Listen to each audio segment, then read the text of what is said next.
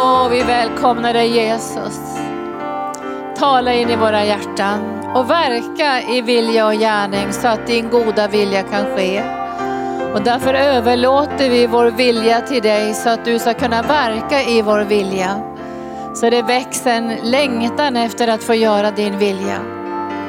Så att din kropp kan bli synlig i den här världen. För vi önskar Herre att du ska ha en kropp i den här världen och det är din levande församling. Där varje sten låter sig infogas i tempelbygget. Så att du kan uppenbara dig i den här världen. Vi vet Herre att det är för begränsat bara genom en enda sten. Men när stenarna fogas samman sida vid sida kan det bli en boning för dig och ett tempel för din härlighet. Och därför säger vi till dig idag Herre, verka i vår vilja. Vi vill inte söka vår egen vilja, vi vill söka din vilja. För vi vet Herre att din vilja är god och välbehaglig och fullkomlig. Så vi överlåter vår vilja till dig, hela församlingens vilja. Vi överlåter varje individs vilja till dig så att du ska få utrymme att verka. Så det som du har på ditt hjärta ska kunna förverkligas i församlingen Arken. Så vi ska kunna nå ut till människor ut över hela världen. Så vi kan stödja våra partner också i de olika landsändarna. Och vi tackar dig Gud för alla som står tillsammans med oss ut över Norden och ut över världen. Och vi ber Herre att det du har fött på den här platsen ska få bli till allra största välsignelser för så många människor som möjligt. I Jesu Kristi Nazarens namn. Amen. Tack, tack Kari och Peter, härlig lovsång. Vad roligt att se dig här Peter. Du kommer lite regelbundet och vi saknar dig men du kommer tillbaka då och då. Det gläder vi oss över. Tack Jesus, ge dem en applåd. Tack Jesus. Peter håller ju nu på också att hjälpa till att producera den nya CDn som kommer att få synlighet med dunder och brak i mirakelkonferensen. Så det glädjer vi oss över. Går det bra Peter? Den är nästan färdig nu.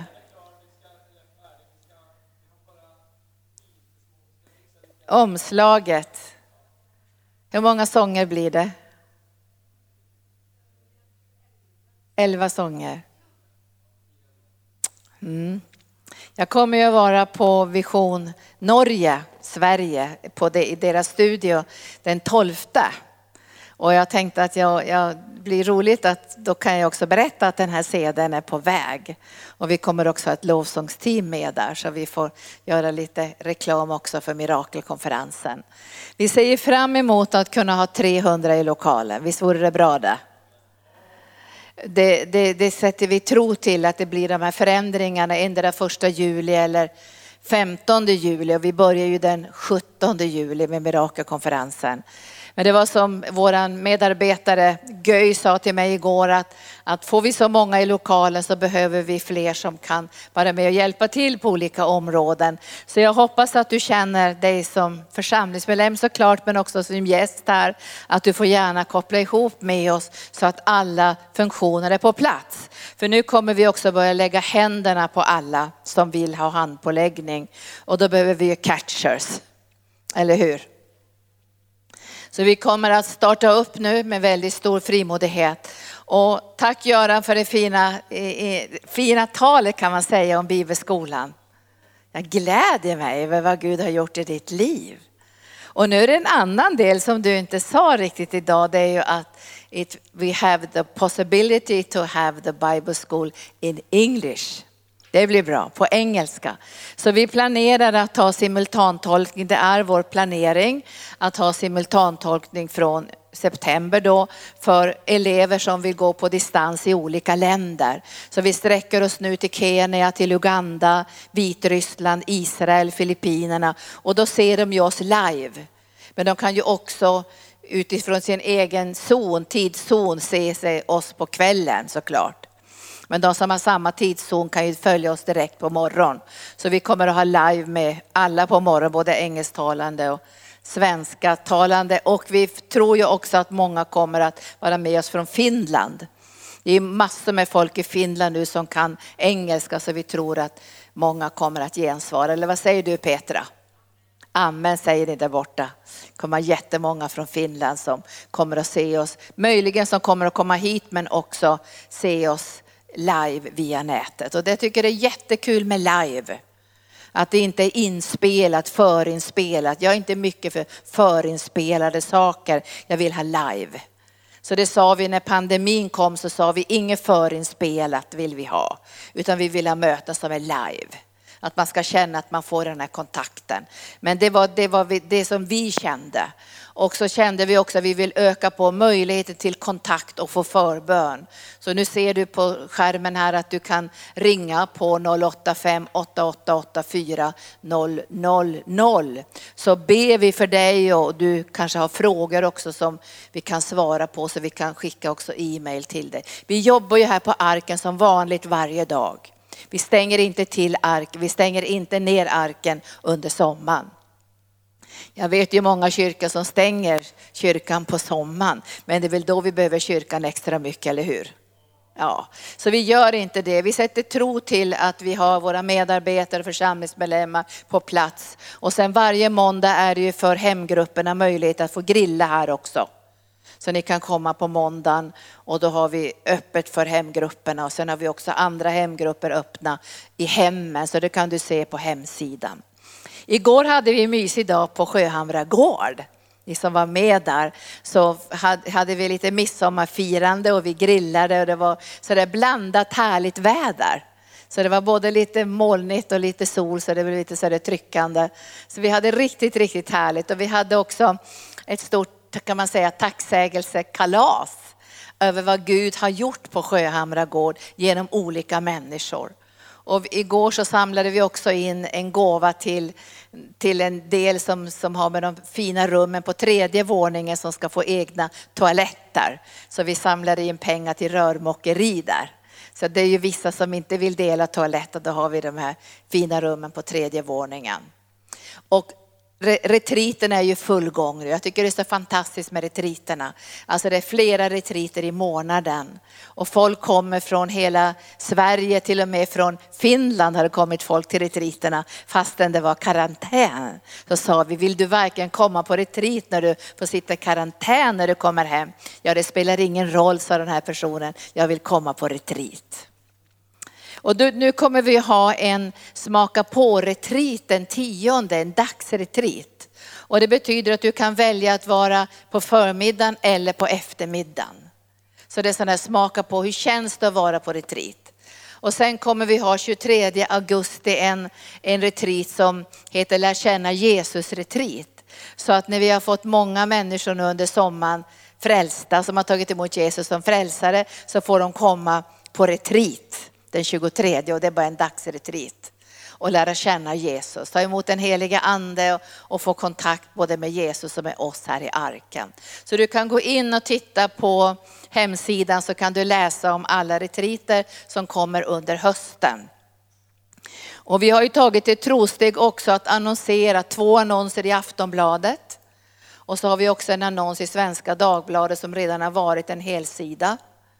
Och det var så fantastiskt därför att en annons i Svenska Dagbladet, en helsida, skulle kosta kanske 75 000. Men vi fick ner priset till ungefär 20 000. Och där presenterar vi Sjöhamra gård, vi presenterar inre bönen som ett alternativ. Och det här talade Herren till oss när, alltså vi har hört att det händer mycket över världen. Men det har blivit beslut som har gjorts i FN som vi tycker är lite oroväckande för, för friheten att få följa Jesus. Där kommer man att arbeta aktivt för att marknadsföra mindfulness ut över hela världen.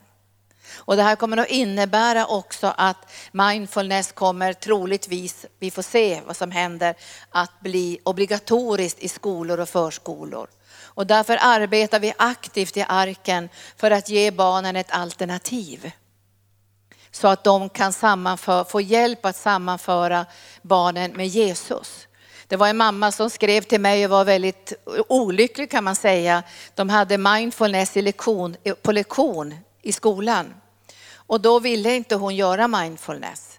Och hon visste inte då att de kan genom telefonen få inre bönen för barn.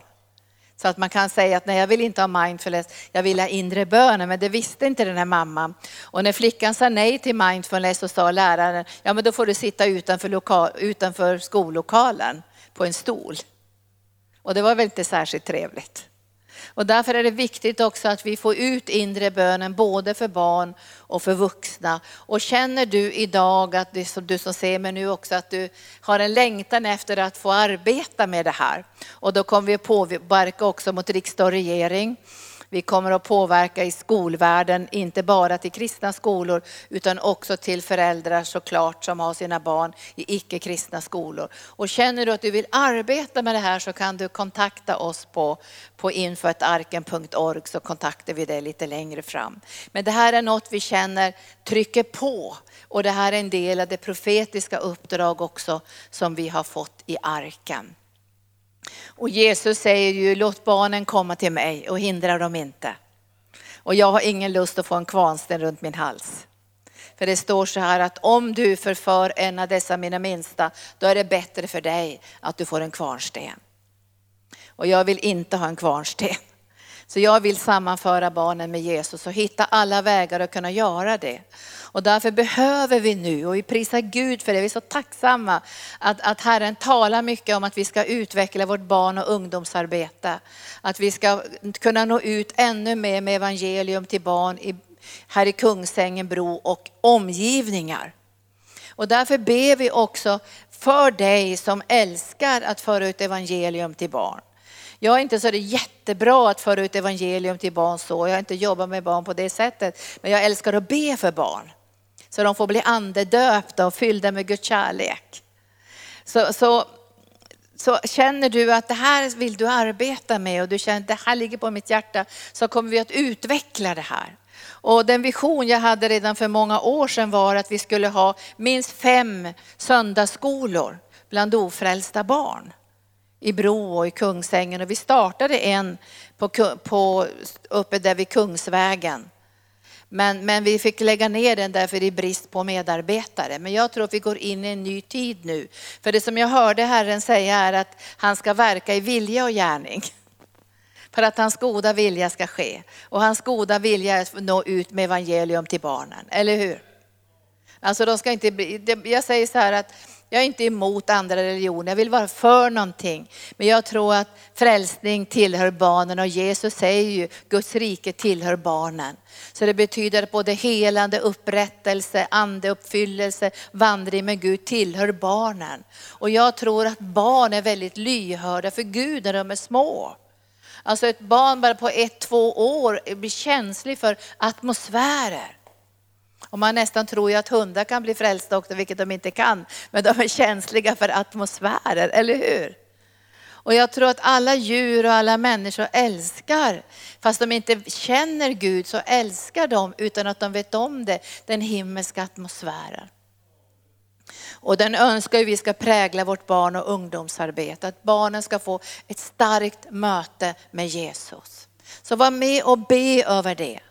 Och jag vaknade i morse och kände så här, vad viktigt det är att Jesus får verka i vilja och gärning. Så att jag inte går åt något annat håll med mitt liv, eller hur? Jag kan ju få andra intressen, jag kan få andra dragningar, jag kan tycka vissa saker är intressanta och så här. Men jag måste varje dag be att Gud ska verka i vilja och gärning. Så att hans goda vilja ska ske. Så att jag kan säga som Jesus sa så här, i mig finns ingenting som tillhör den här världens första. Tänk att kunna säga, till det, säga det. Det finns ingenting i mig som han kan ha anspråk på. Det finns ingenting som han har ett fäste in i mitt hjärta. Det finns ingenting. Ande, själ och kropp tillhör Herren. Och därför säger ju Bibeln gång på gång att, att din kropp är köpt med blod. Med ett högt pris förhärliga Gud i din kropp. Och då talar han om din och min kropp. Men när jag läser det så tänker jag på Kristi kropp, på det vi gör tillsammans. Att vi inte drar åt alla möjliga håll. För då blir det ju Frankensteins monster, eller hur? Benet dras åt det hållet och armen dras åt det hållet. Och, och axlarna vill någonting helt annat, då blir det ju ingen kraft i det. Och därför behöver vi individuellt be Gud verka i vilje och gärning och sen också för församlingen och för oss tillsammans verka i vilja och gärning så vi får enhet både i anden och själen. Alltså i, både i tankarna, viljelivet, känslolivet och i vår ande så att vi inte krockar när vi samlas eller drar åt olika håll. Och det här måste den heliga ande få göra. Och då ska jag läsa det här bibelstället i Filipperbrevet. Och det står i Filipperbrevet kapitel 2 det är så märkliga ord det här när Jesus talar om att vi ska vara Kristi lärjungar som ljus i världen. Det är överrubriken i folkbibeln kapitel 2 och versen 12. Filippe, 2, Filippe brevet kapitel 2 versen 12. Kristi lärjungar ska vara ljus i den här världen. Och då undrar man varför ska man vara ljus? Jo, därför att det är sånt mörker. Och ni som följer med lite grann så där vad som händer över världen så mörknar det, eller hur? Det mörkrar. Och jag börjar märka så här, man måste tänka, vem är producenten i mitt liv? Vad produceras i mitt liv? För jag läste häromdagen också i Upplands Brobladet att man hade protesterat mot kronägg. Eller kanske var kronfågel, inte kronägg, kronfågel. Och då hade man kommit på att de skållade kycklingarna levande till en del. Och det blev ju liksom ett ramaskrik. Och då tänkte jag, vad viktigt det är att veta vem som är producent i mitt liv. Eller vad är det som produceras och vad går jag med på? Därför det uppenbaras mer och mer, därför att det ljuset finns uppenbaras det som finns i mörkret. Eller hur? Och det är ju underbart för våra egna liv, eller hur? Därför att när ljuset kommer får man ju chans att se, är det något i mitt liv som inte ska vara där? Så för oss är det här ingen fara. Utan vi vill ju att ljuset ska lysa. Så vi säger varje dag, heliga ande visar det någonting som vi ska slänga undan. Men när ljuset lyser i världen så blir det ett avslöjande. Därför världen vill inte komma i ljuset. Men du vill komma i ljuset, eller hur? Alltså vi älskar ju ljuset. Vi vill ju leva i ljuset, men vi behöver veta idag att världen älskar inte ljuset. Alltså Satan älskar inte ljuset. Han vill inte att det ska komma ljus över hans gärningar. Att det ska bli synliggjort hur djurhållningen ser ut idag eller vilka penningbegär som finns i världen. Det vill inte han ska bli ett avslöjande. Men när du är ett ljus i den här världen så blir det avslöjande. Och när avslöjande kommer så önskar vi ju att människor ska säga, tack att vi fick se det här. Nu ska vi ändra på det, nu ska vi bara förändra det här. Men vi vet ju du och jag att mörkrets makter lägger täcket på ofta. Jag minns för några år sedan så kom de ju på att man i Kina ryckte av fåglarna dunet när de levde. För att dunen skulle växa ut igen så de skulle kunna rycka en gång till. Eller två gånger till, till den här stackars fåglarna dog. Och det blev ett ramaskrik i Sverige, kommer ni ihåg det? Man skulle, man skulle inte köpa dunor längre och man skulle inte köpa dunsaker och det skulle certifieras allting. Och jag sa bara, vänta bara på en månad är allting glömt. Men när Herrens ljus kommer över dig och mig så glömmer vi inte det ljuset, eller hur? För vi älskar ljuset.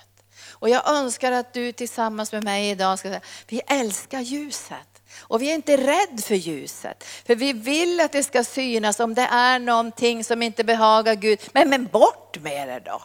Visst vill vi det? Vi älskar ljuset. Därför vi ska vara ljus i den här världen. Alltså vi ska lysa i den här världen. Och när ljuset kommer då önskar ju vi att människor ska känna igen någonting av sin längtan efter Gud. För det finns en längtan i varje människa. Och därför behöver Guds församling och varje troende i Guds församling älska ljuset. Och då säger Paulus så här.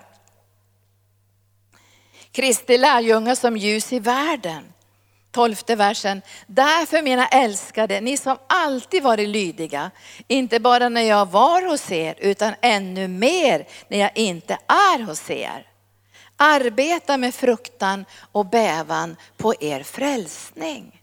Arbeta med fruktan och bävan på er frälsning. Och det här låter ju ganska jobbigt, eller hur? Arbeta med fruktan och bävan på er frälsning. Men jag skulle vilja säga istället så här, att det egentligen betyder så här för dig och mig, att det här är viktigt för oss. Alltså det här är viktigt för oss. Det här är något som vi prioriterar. Att han har dött för oss Jesus. Att han har uppstått i vårt ställe. Att han har tagit oss ut ur mörkrets rike och satt oss i den älskade sonens rike. Att han har låtit oss nu idag sitta med honom på faderns högra sida. Det är viktigt för oss. Och skulle vi arbeta med någonting med fruktan och bävan, då är det på vår frälsning. För det här är en prioritering. Och när anden ser och när Jesus ser att det här är viktigt för oss, då blir det utrymme för Gud. Visst blir det det?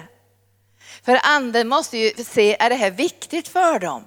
har de öppnat sig för min ande. Och då säger han så här, för det är Gud som verkar i er, både i viljan och i gärningarna eller i handlingarna. För viljan och gärningarna sitter ihop. Därför att när du och jag gör någonting så sitter det ihop med det som finns på insidan. Det är inte osynligt utan det sitter ihop här. För Gud verkar i viljan. Och därför kommer du att märka vad vi vill. Och de steg vi tar och de prioriteringar vi har. Det är klart att det syns i våra liv. Och därför vill vi att Gud ska verka så det blir harmoni mellan det som finns på insidan och det som vi gör. Så vi kan prioritera rätt, eller hur? Och då säger Paulus, det är Gud som verkar i vilja och gärning för att hans goda vilja ska ske. Och då tänker man, om man nu låter Gud få verka i vilja och i handlingar och steg som du och jag tar, så måste vi tänka att Guds vilja är god. Alltså Guds vilja är inte dålig. Det är inte så att nu ska vi låta Gud få verka och så blir det bara tristess och vi tappar glädjen och allt blir långtråkigt och slentrian. Det är djävulens lögn, eller hur? För det står i Bibeln att Guds vilja är god och mer välbehaglig och fullkomlig. Och när du och jag tänker det idag, då vill vi att Gud ska verka i vilja och gärning. Alltså jag vill att det ska sitta ihop. Jag vill inte ha konflikt och kamp med det som finns på insidan och det som jag gör med mina gärningar, eller hur? Man kan ju göra saker och så är det konflikt. Har ni haft det någon gång? Alltså man känner, jag gör det här men det känns inte bra på insidan för det stämmer inte. Men då blir det så här konflikten och kampen och vi ska titta på den också idag. Att jag tror inte att Gud vill att vi ska ha den här konflikten och kampen på insidan. Det ska vara en harmoni mellan det vi har på insidan och det som vi gör. Visst? Alltså då tror jag vi hålls ihop också. Så att man inte vill någonting här och så gör man någonting annat, då blir det som hyckleri också. Och vi brukar säga det krackelerar förr eller senare. Jag minns en familj som bråkade hela vägen till arken en gång. De berättade det i alla fall. De bråkade hela vägen och när de kom till parkeringen tänkte de nu måste vi styla till oss. Så de satte på sig leendet. Hur är det? Bra, underbart, halleluja broder, frid och fröjd. Och så sa den här, det dröjde inte länge, han bara ut genom dörren så krackelerade allting. Fy vad jobbigt. Alltså jag tror Gud vill inte att det ska krackelera. Att det ska bli bara, så att säga, vi måste bara göra det här för det ska vi ju göra när vi är kristna och vi behöver ställa upp med det här och vi behöver ta de här stegen. Jag tror inte att det är som Gud vill och därför ska vi be det här varje dag nu under sommaren. Verka i vilja och gärningen så att din goda vilja kan ske. Och tänk att Jesus säger, jag söker inte min vilja. Jag söker hans vilja som har sänt mig. Alltså det finns en sån så att säga, harmoni. Och det betyder inte att Jesu vilja var krossad. Han har en stark vilja. Och Gud tänker inte krossa din vilja. Så han liksom tar ditt liv ifrån dig. Utan han vill att din vilja ska vara i harmoni med hans vilja.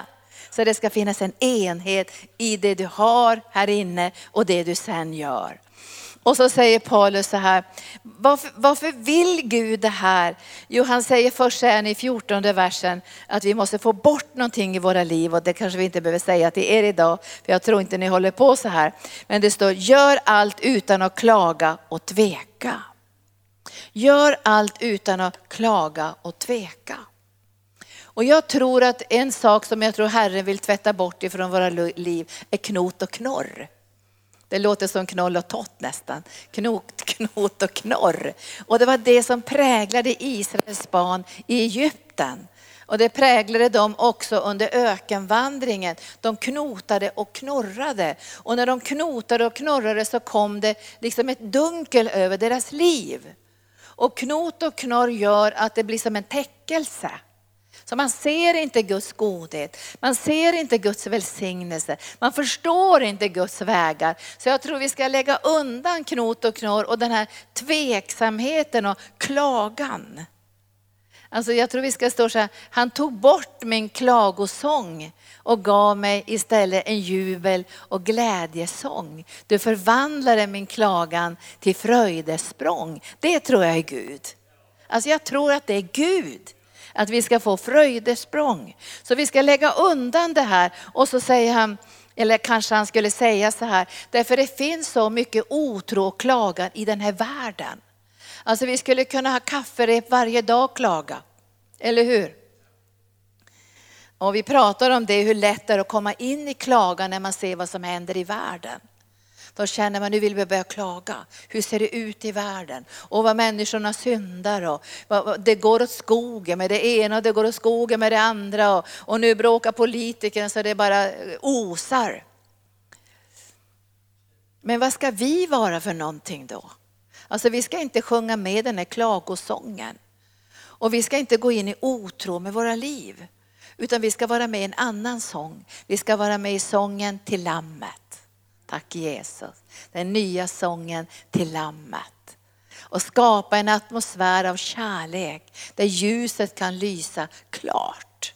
Och då säger han så här att ni ska ju vara fläckfria och rena och Guds oskyldiga barn. Alltså ni ska vara fläckfria och rena och ha en oskyldighet inte naivitet, men en oskuldsfullhet och renhet i den här världen. Ni ska vara annorlunda. Vill vi vara annorlunda? Jag tror faktiskt det. Vi vill vara annorlunda för vi ska lysa i den här världen. Och då säger Paulus så här att ni ska vara rena, fläckfria och oskyldiga mitt i ett falskt och fördärvigt släkte mitt i ett falskt och fördärvat släkte, där ni lyser som stjärnor i världen. När ni håller fast vid livets ord. Alltså vi ska lysa som stjärnor i den här världen. Alltså vi ska lysa upp den här världen. Och då undrar man vad det är vi ska lysa med för någonting då. Utan vi ska låta Jesu härlighet skina genom våra liv. Evangelium. Och vi ska titta bara lite, lite grann på det här idag. Och vi ska gå till Galaterbrevet. Galaterbrevet är ju skrivet av Paulus. Många av de här breven är skrivna av Paulus. Och det här, det här brevet är, ska säga, det är inte så långt, det är bara sex kapitel. Men det är väldigt innehållsrikt det här kapit, de här kapitlerna. Och det, det, det han, han talar till oss idag så säger han så här att um, jag läser ifrån Galaterbrevet 6 och så läser jag ifrån 14 versen. För min del vill jag aldrig vara stolt över något annat än vår Herre Jesu Kristi kors. För min del vill jag aldrig vara stolt över något annat än Jesu Kristi kors. Och när Herren verkar i viljan och gärningen så kommer du och jag att få den första fruktan. Att vi börjar älska Kristi kors.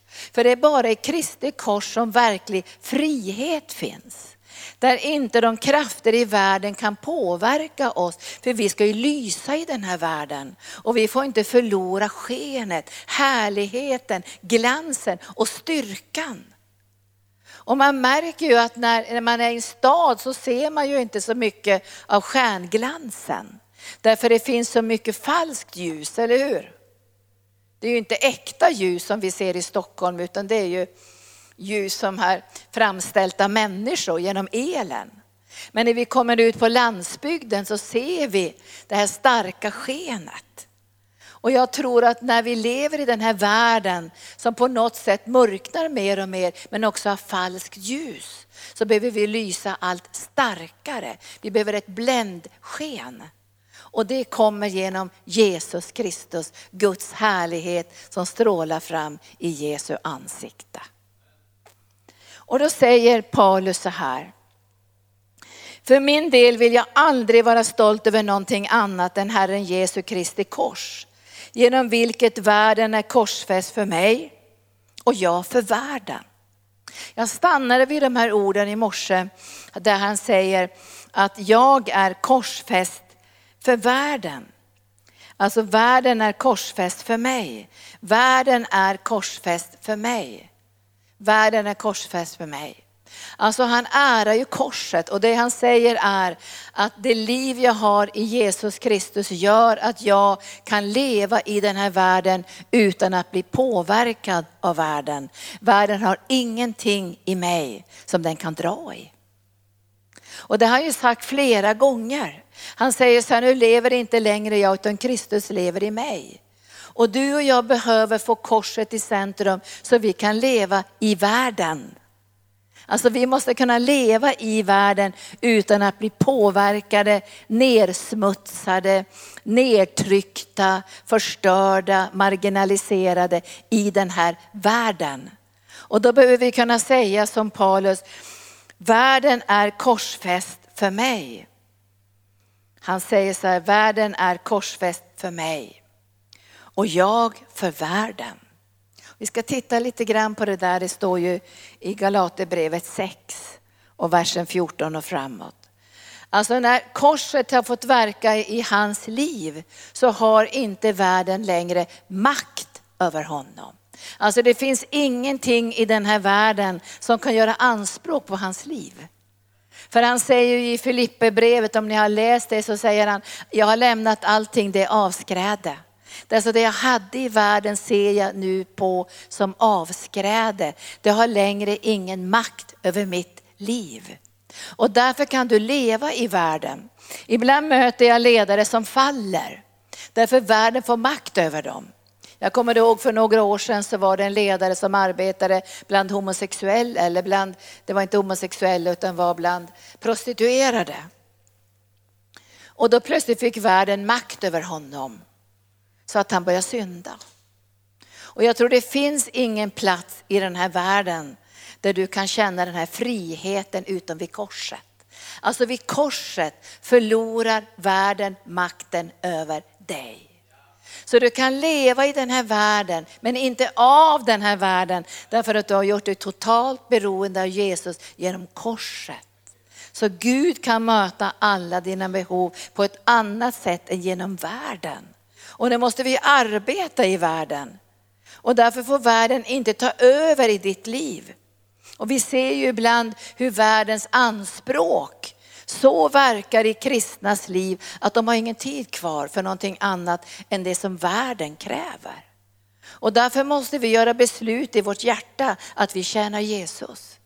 Vi måste arbeta i världen de flesta kristna har ju ett arbete ute i samhället, men samhället ska inte ha makt över dig. Utan du ska ha tid att kunna tjäna Jesus. All din kraft ska inte gå till världen. Och världen kommer alltid att kräva det bästa av dig, vet du det? Kommer att kräva den bästa tiden. Ofta söndagen eller andra tider när du ska tjäna Jesus. Så du måste bara bestämma dig i ditt hjärta att fastän du arbetar i världen så är det Jesus som är din arbetsgivare. Det är inte landstinget, det är inte kommunen, det är Jesus. Och jag frågar ibland människor som säger, men landstinget är ju min arbetsgivare. Nej, säger jag, det är Jesus som är din arbetsgivare. Därför allting kommer via honom. Det är klart vi lever i världen och där finns det olika regler i den här världen. Men vi får aldrig glömma att det är Jesus som är vår arbetsgivare. Och det här är tydligt också när man ser på lärjungarna i Bibeln, när det blir konflikter. Alltså de flesta av oss har ju kanske inte mött en riktig konflikt med världen. Men det mötte vi i Vitryssland redan tidigt, en konflikt med världen. När man hade lagar som sa att ni får inte be något längre. Ni får inte ha sammankomster. Ni får ta bort alla nyregistrerade kyrkor och så vidare. Så det blev en krock med världen. Alltså de flesta har inte upplevt en krock med världen, men vi behöver få känna en krock med världen. Alltså det är inte så att jag önskar att ni ska få en krock med världen, men det är nyttigt när man får den här krocken med världen, eller hur? När man börjar märka, det är Jesus som är min arbetsgivare. Och här ser vi i Nya Testamentet, i Apostlagärningarna, en tydlig linje kan man säga. Därför de hade hela tiden krockar. Och vi har inte haft så många krockar med världen, men vi kommer att få det på framtiden. Ganska många krockar med världen. Och då behöver vi veta hur vi ska handskas med de krockarna. Och när lärjungarna får den yttersta krocken med sitt samhälle så säger de här fariséerna och skriftlärde, alltså ni får inte längre predika i det här namnet. Ni får inte använda namnet Jesus och ni får inte predika evangelium till folket. Och det här satte de krafter bakom för de hade ju slagit dem, torterat dem och haft dem i fängelse. Jag vet inte hur du och jag skulle reagera i, ett sånt, i en sån situation. Men jag tror att de följde Paulus exempel. Jag är korsfäst för världen. Och så säger de så här, döm själva. Döm själva. Ska vi lyda Gud eller ska vi lyda människor? Döm själva. Ska vi lyda Gud eller ska vi lyda människor? Och så säger de, vi kommer att lyda Gud. Och det måste komma tider i ditt och mitt liv när det blir en krock i världen. Och den klarar vi inte av utan korset. Och därför måste vi ha korset i våra hjärtan. Så att vi kan proklamera, jag är korsfäst för världen. Världen har inte den yttersta kan säga, rättigheten in i mitt liv, det har Jesus. Och det kan hända att saker sätts på spets. Jag kommer ihåg min underbara mentor kan man säga, Gösta Höök som var docent och grundare för Teologiska institutet i Stockholm. När han blev andedöpt och radikal så kommer jag ihåg att vi hade en bönegrupp en kväll där han sa att nu hade det blivit bråk på institutet därför att han hade blivit andedöpt och han hade börjat ledas av den heliga ande och där det började ske saker och det hade blivit en krock. Och vi som var alldeles nyfrälsta, vi tittade på honom och sa, men vad underbart, nu får du lida för Jesus. Men vi tänkte inte på att han hade grundat teologiska institutet, men det blev en krock. Och ibland behöver vi få den där krocken med världen, med världens tänkande. För att kunna vakna upp på insidan, har jag korset? Är korset levande?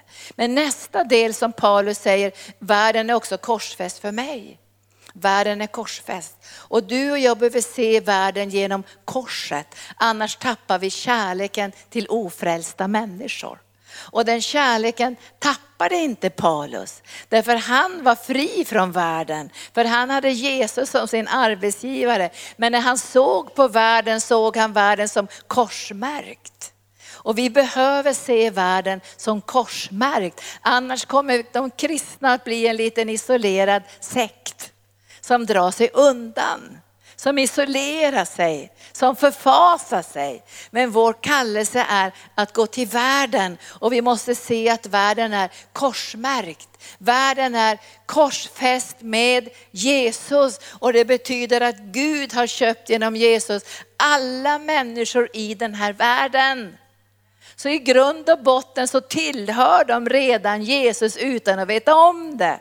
Och de måste få reda på det här. Och då måste du och jag vara så korsmärkta på insidan att vi inte blir deppade när vi får motstånd eller blir attackerade på olika sätt eller blir ifrågasatta. Vi har ett uppdrag, Bibeln kallar oss för ambassadörer. Och jag tror att det här blir lättare för oss när vi ser att världen är korsfäst med Jesus. Alltså Jesus dog för varenda människa i den här världen. Han bar deras skuld, han bar deras sjukdomar, han tog deras skam, han blev bunden i deras ställe för att han önskar att alla människor i den här världen ska bli frälsta. Och vi behöver se världen på det sättet. För annars kommer vi att förfasa oss. Och vi har alldeles för många tendenser, tycker jag, bland kristna idag, att vi blir förfasande kristna. Istället för att vi ser världen är redan försonad med Gud. Och när jag predikade senast här så sa jag att vi har försoningens ämbete. Och vi ska vara talesmän och taleskvinnor för Jesus och säga, låt försona er med Gud. För han som inte visste av någon synd. Han har Gud gjort till synd för att vi ska bli gjorda till rättfärdighet. Och ser vi inte världen genom korset så får vi jobbigt. Alltså det blir en sån emotionell krock, det blir en sån jobbig krock och den vill inte Gud att du och jag ska ha. Utan vi ska vara fria på insidan. För, för att annars kan Gud inte använda oss. För vi ska inte bli frestade av det som finns i världen.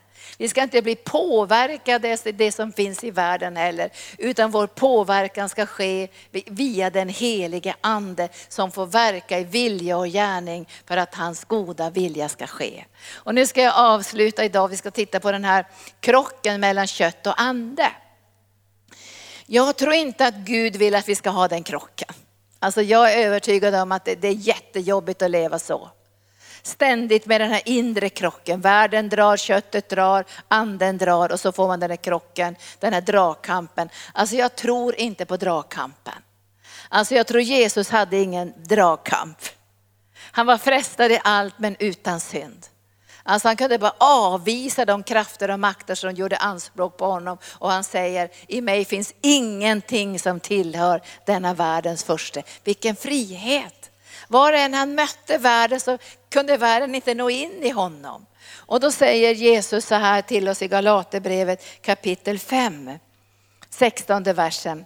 Vad vill jag nu säga? Det här vill jag säga nu, säger Paulus. Vandra i anden så gör ni inte vad köttet begär. Alltså köttet har i sig själv en begärelse och där ska vi känna igen. Alltså när köttet börjar begära saker, då säger vi nej. Därför anden begär inte på det sättet. Utan Bibeln säger att vi ska vandra i anden. Vandra i anden. För köttet söker det som är emot anden. Alltså köttet söker konflikt. Alltså köttet söker att slippa ge utrymme för den heliga ande. Det är något märkligt med köttet. Köttet bråkar alltid med den heliga ande. Men jag vet att du och jag vill inte ha bråk på insidan.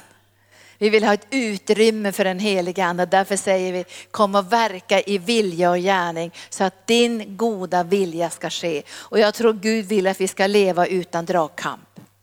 Jag vet inte om ni hörde det där eh, ords, ordspråket eller vad det var från, från sådana här indianer kanske man ska säga, för det fick man ju säga förr i världen. Då var det en pojke som frågade, då var en som sa, jag har två hundar på insidan, en svart och en vit och de kämpar med varandra. Och då sa pojken, vem tror du kommer att vinna? Och då sa den här gamla visa mannen, det är klart att den som du matar kommer att vinna.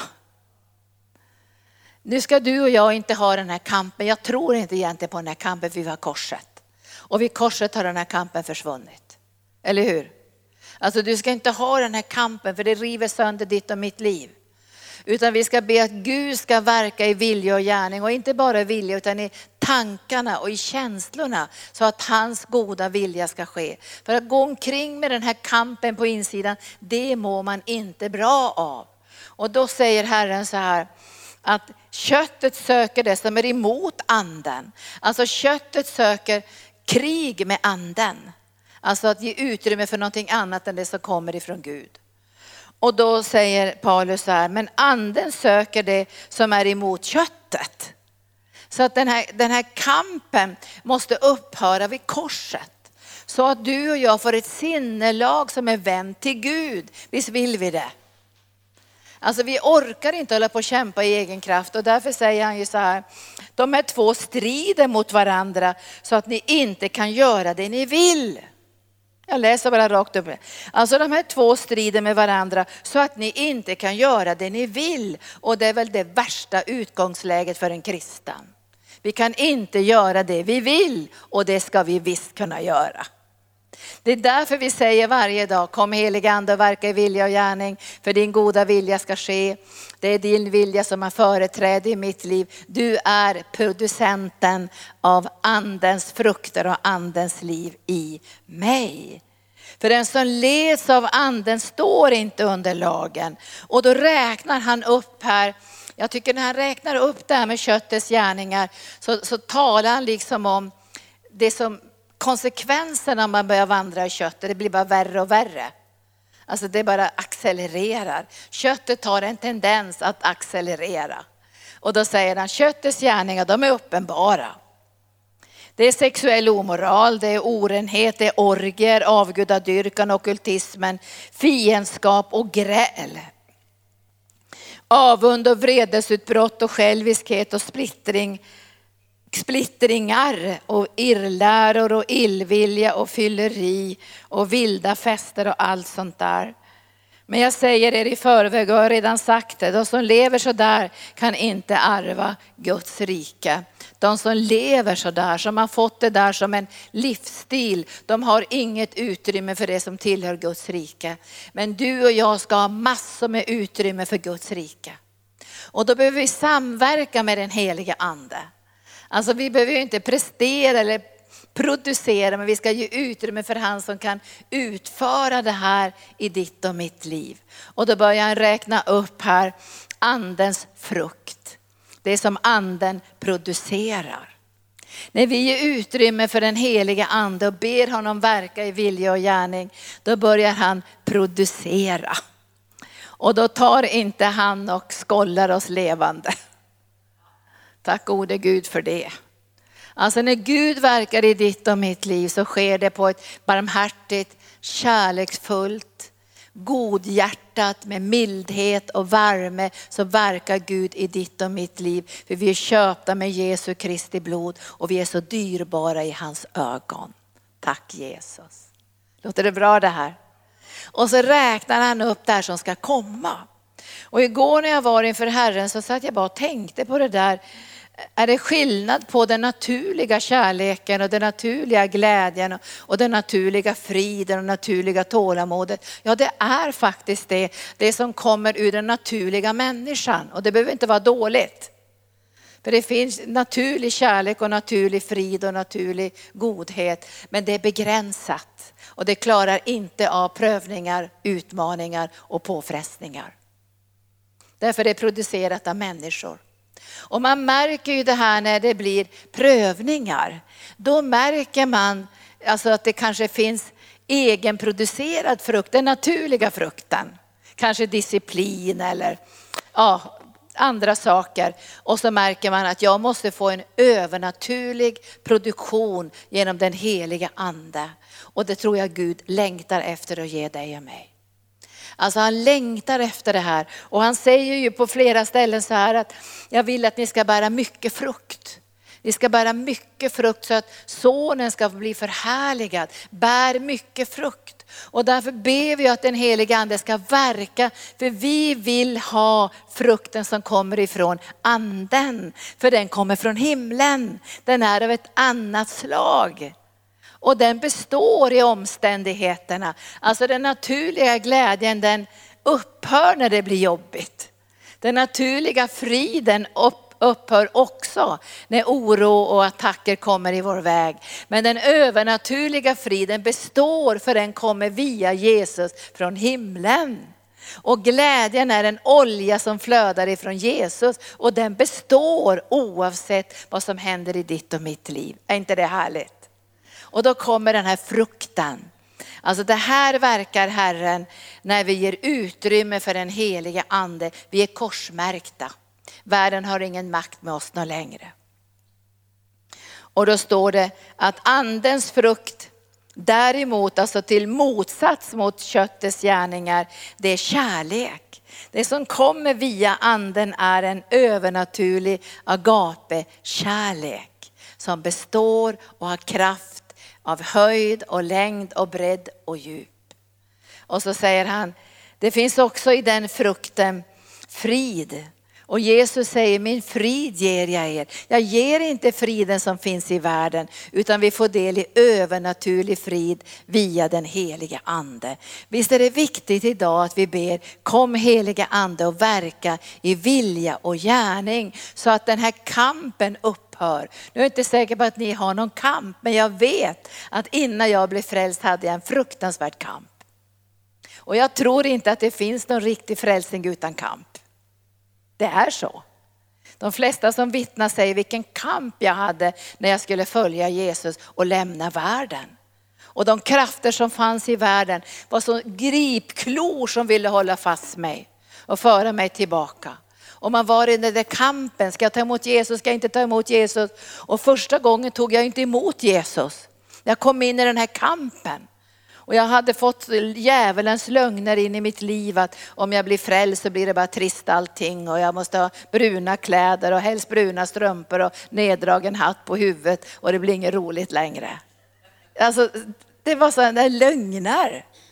Och då tackade jag nej till Jesus när jag var 16-17 år första gången. Tacka nej. Men andra gången blev det samma kamp men inte lika intensiv. För jag visste då att väljer jag världen och låter de här krafterna fortsätta att verka i mitt liv, då kommer jag att dö.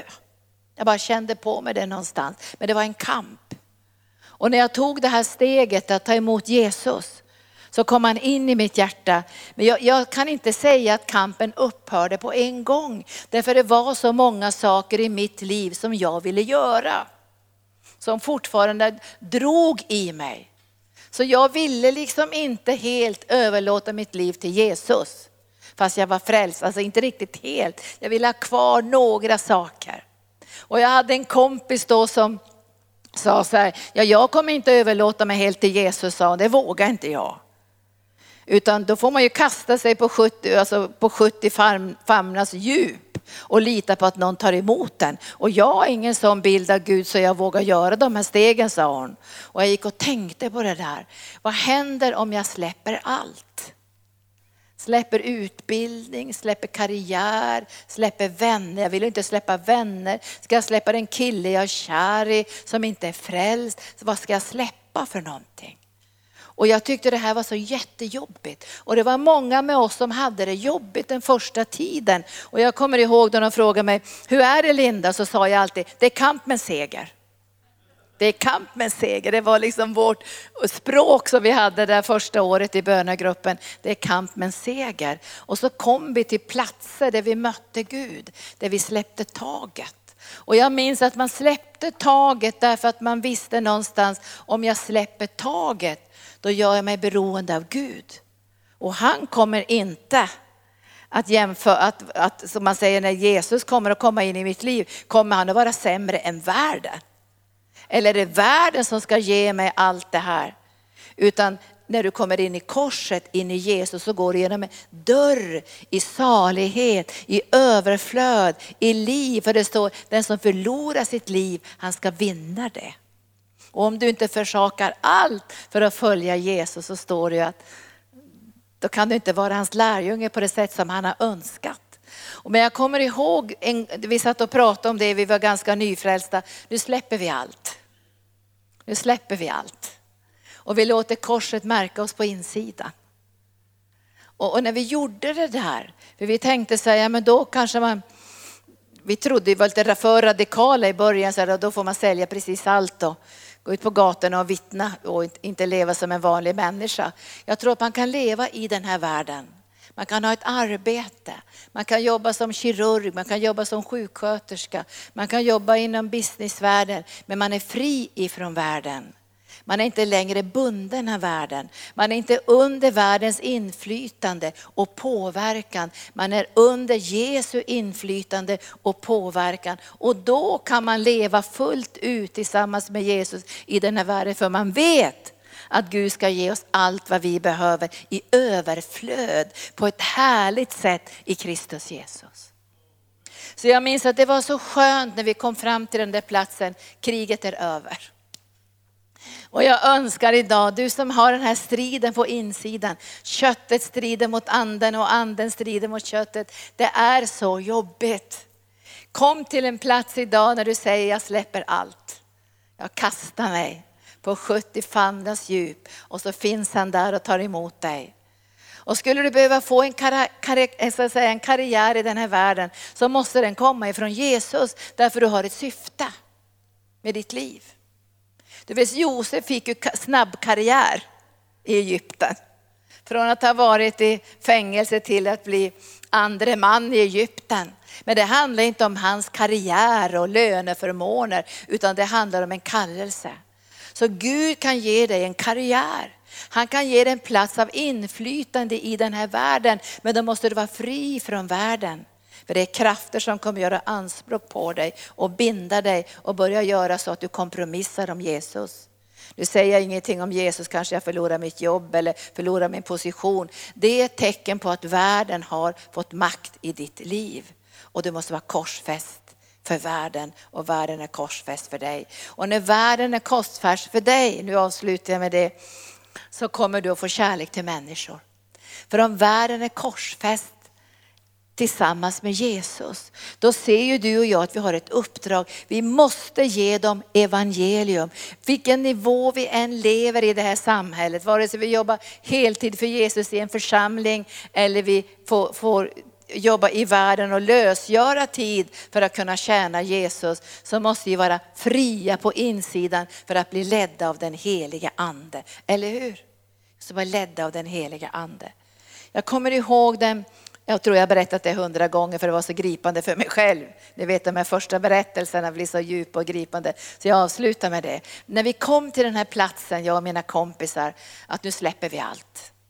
Då visste jag att, att jag kommer nog inte få doktorera nu, kanske längre fram.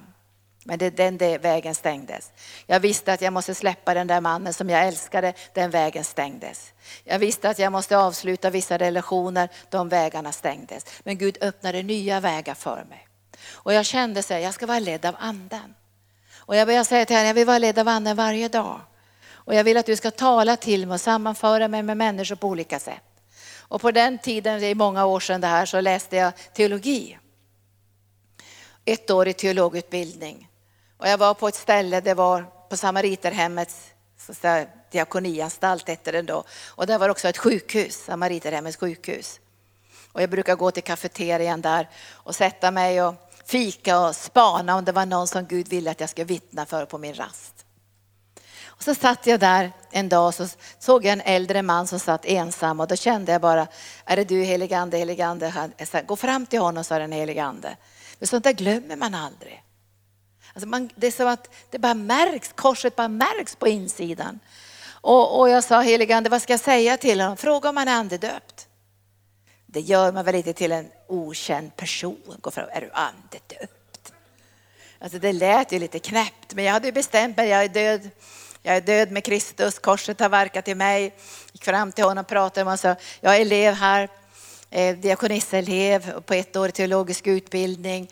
Eh, och jag skulle vilja fråga dig en väldigt viktig fråga så eh, kanske börja lite, har du tagit emot Jesus? Och då sa han, jag är kristen. Men det var det viktigaste var, har du tagit emot den helige ande och tungotalet? Det var det viktigaste. Och han bara tittade på mig och sa, nej det har jag inte gjort, sa han. Och när jag gick därifrån kände jag mig lite knäpp. Ni vet den där känslan, har man gjort bort sig? Och... Men jag kände ändå en salighet. Tänk att jag vågade säga det där. Tänk att jag gick fram till en okänd människa och sa det där. Det kunde ha slutat där. Men så var det, var det en, en, en, en präst eller pastor som fick tag på mig efter ett tag, några veckor och sa, det, det en, en, chefen på det här sjukhuset, högsta chefen, har frågat efter en diakonisselev som var frimodig. Och jag tänkte på Jesus, Jesus, kanske jag får sluta på skolan. Nej, jag tänkte att det kommer säkert inte att ske för jag är ledd av den helige ande. Och då, då hade den här prästen sagt, det där måste vara Linda. Så, så, så, ringde mig då och sa, har du, du har pratat med en man på kafeterian och frågat om han hade andedopet och han har frågat efter dig och vill att du ska besöka hans kontor på sjukhuset. Då blir man både skakad och lite salig. Man tänker, det här kan bli god frukt eller det kan bli jättejobbigt. Det här, det här märkte mig på något sätt. För jag kände att det gjorde mig fri. Och jag tror Gud för oss till platser där vi blir fria. Och det kan vara en konfrontation, en förföljelse också. Då du får stå upp med Jesus och säga, ja, jag böjer inte, jag älskar Jesus, punkt och slut. Eller så kan det vara en salig ledning från den heliga ande. Jag kom in på hans kontor, det var så fruktansvärt snyggt kontor. Det var ett stort kontor med stort eh, skrivbord och lä, stor läderfåtölj där han satt och så sa jag, här är jag, jag är Linda, Linda och jag går på diakonutbildningen här. Och, ja, jag höll på att säga, jag kom ju fram till dig, jag sa ingenting. Och så frågade jag vad han ville mig då, så sa han, jag vill ha det där som du pratade om. Jag vill ha det, sa han. Och jag blev ju både lite skraj och lite orolig så jag sa, om du kan sitta i fåtöljen sa jag, i den här stolen, så ber jag för dig sa jag. Nej, sa han, det vill inte jag. Jag vill böja knä. Och det gjorde vi. Och han fick ta emot den heliga ande. Alltså det här, det här märkte mig på något sätt. Och jag kände att jag måste vara död för världen. Jag måste vara korsmärkt, men jag måste se också, det här var en kristen äldre man. Men när vi ser människorna i världen så måste vi tänka, de är korsfästa med Jesus. De har rätt att höra evangelium. De har rätt att ta emot helande. De har rätt att få befrielse. Men vi måste bli fria så att vi, så vi struntar i världens värderingar eller världens karriärsteg eller världens pengar eller världens erkännande. Vi måste vara döda ifrån det. Och vi blir inte döda om vi bara ska kämpa och tänka att nu kämpar jag med det här och jag plågas på insidan. Egentligen vill jag ha världens erkännande och jag vill ha fredspriset eller vad det nu är. Jag vill att världen ska ge mig ära. Men om vi börjar känna korsmärkt med Jesus och jag bryr mig inte längre om den ära som finns i världen. Jag kan vänta på mitt erkännande om jag så får det på andra sidan. Det ska hända något i våra hjärtan under den här sommaren. Jag läser igen Filipperbrevet och sen ska vi be lovsångarna komma upp. Jag hoppas jag kan göra det här själv varje dag. Att jag ber att Gud ska verka i vilja och gärning för att hans goda vilja ska ske. För vi som är lite äldre, vi lever ju i sista kapitlet av våra liv. Många unga lever ju i första och andra första kapitlet, men vi lever ju i det sista kapitlet. Många som är över 70, vi lever i det sista kapitlet. Och vi önskar att det ska bli ett bra kapitel, eller hur? Men vi önskar också att de unga ska ha ett bra kapitel i början. Att det inte ska bara bli en eftertänksamhet när man har fyllt 50. Utan att det ska vara någonting som kommer i början, jag korsfäst med Jesus. Och då måste man ju tro att Gud är god i allt det här. Att han ska ge dig ekonomin som du behöver, platsen du ska ha, att det finns favör i ditt liv, att han har omsorg om dina gåvor. Du måste tro någonstans att Gud är god, annars går det inte att göra det här. Det blir bara en kamp när du ser hur det går bra för andra. Jag hade den här kampen till och från när jag var nästan 30 år och fortfarande höll på med gatuevangelisation och hade ingenting. Och när djävulen började jämföra mig med mina kompisar som gick på världens väg, som hade positioner i samhället, i sjukvården, i FN och på andra ställen som jobbade med frågor som egentligen jag hade velat jobba med. Och man kände den där kampen. Kan Gud kompensera det som jag sa nej till i världen?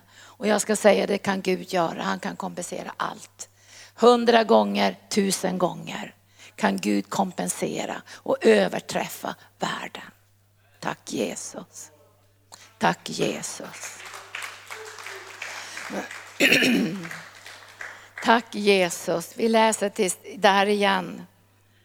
Så säger han så här, för det är Gud, arbeta med fruktan och bävan kapitel 2 i Filipperbrevet versen 12 på slutet där. Arbeta med fruktan och bävan på er frälsning. Låt frälsningen och korset vara i centrum av ditt liv och mitt liv. Då upphör den här fruktansvärda kampen. Och man får en frihet på insidan. Jag vill tjäna Jesus. Och då har man den här bönen också. Jag vill förhärliga dig Gud i mitt liv och genom min död. Jag vill springa hela loppet och det, det, finns olika utmaningar i olika åldrar. Jag ska inte säga att det är jobbigare som ung eller som medelålder eller äldre. Det är olika utmaningar. Så man får olika så att säga, attacker på olika sätt emot sitt liv. Och då behöver man be den här bönen.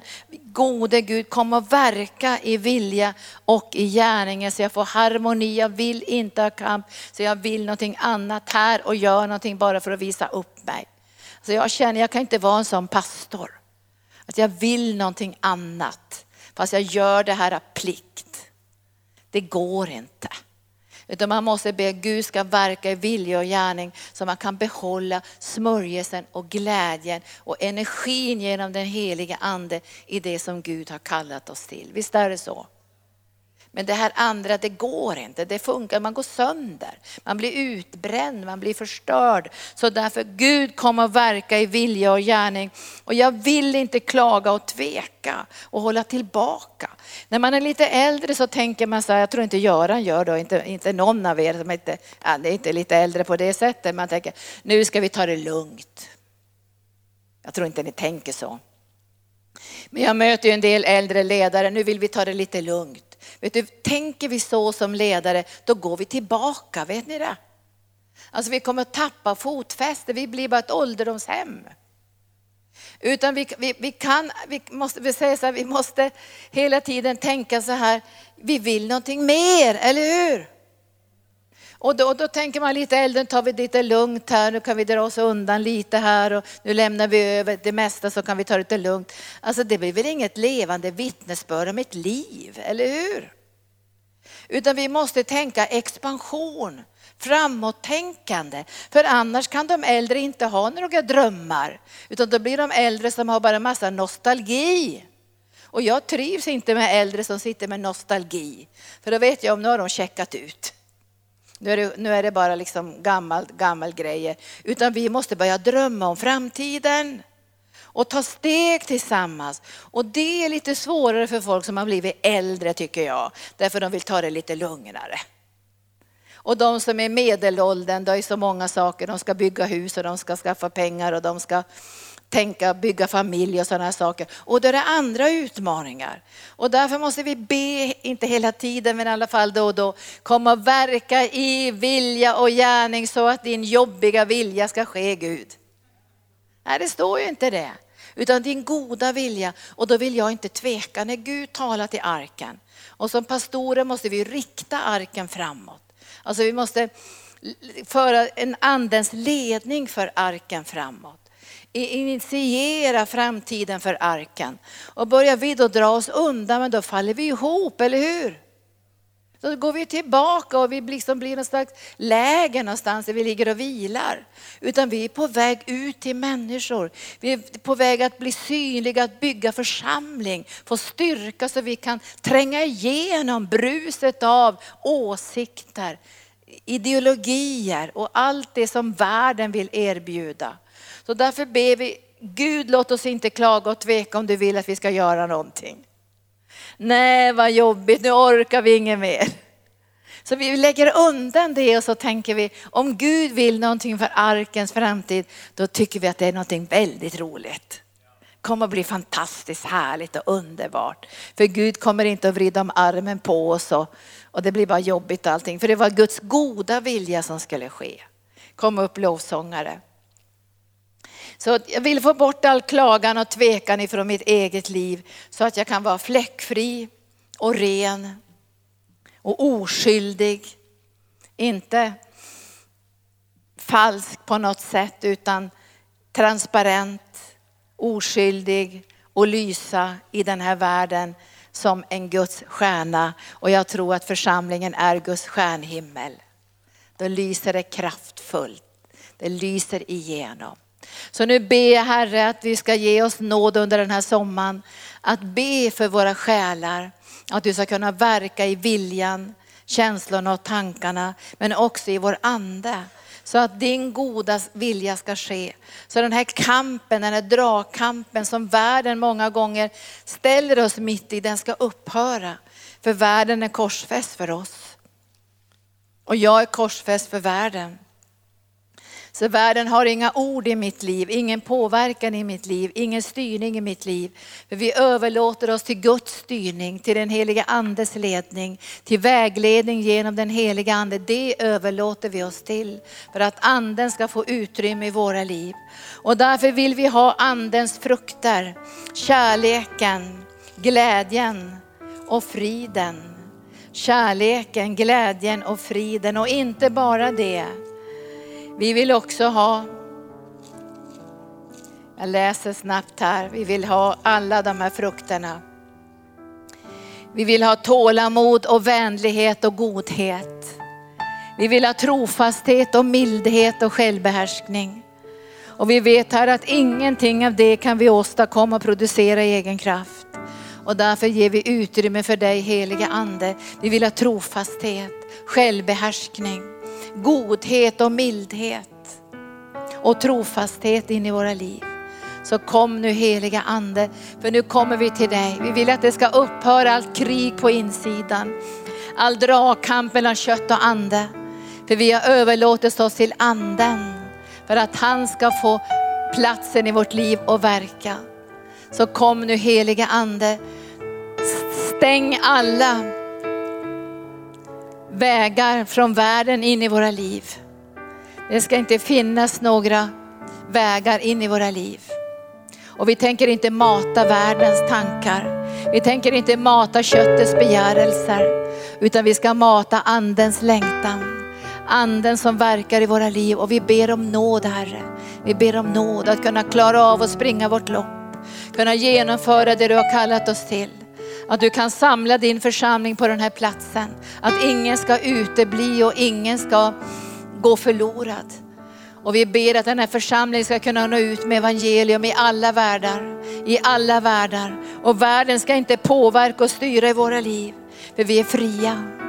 Och jag ber dig heliga ande att varenda en här i arken, alla som ser mig nu, ska få känna den heliga andes frihet. För det Herrens ande är, där finns det frihet. Och vi som är avhöljt eller avtäckt ansikte skådar hans härlighet. Vi förvandlas och blir honom lika. Så kom nu heliga ande, när vi överlåter oss till dig och ger dig kraften att verka i våra liv och makten att verka i våra liv. Så kom nu heliga ande, kom och verka, kom och verka, kom och verka i vilja och gärning.